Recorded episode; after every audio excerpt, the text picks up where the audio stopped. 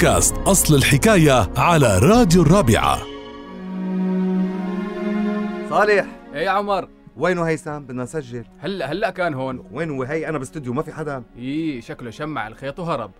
قصة شمع الخيط وهرب لليوم بأصل الحكاية. رح نخبركم عن الملك النجاشي اللي قبض على خويلد بن عتبة وكان معروف هالشخص بأنه نصاب ومحتال وكتير الشكاوي ضده. قال له الملك فهمني كيف بتنصب على الناس. فقال له بنصب عليهم بخبرتي وذكائي.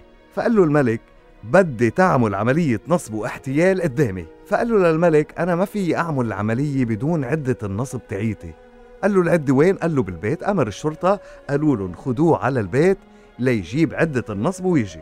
وقت اللي رجع النصاب كان معه بكرة خيطان قطن وشمع.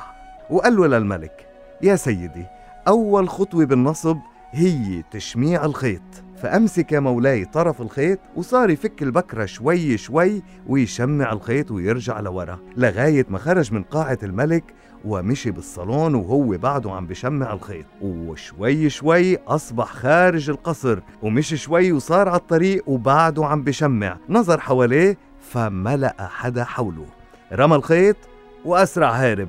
الملك بعده ماسك الخيط بالقصر وعم ينتظر حتى مل من النطرة وسألهم وينه هالنصاب فأجابوه شمع الخيط وهرب ومن هون انتشرت عبارة ومثل شمع الخيط وهرب وبتنقال عن كل نصاب بيعمل عملته وبيهرب.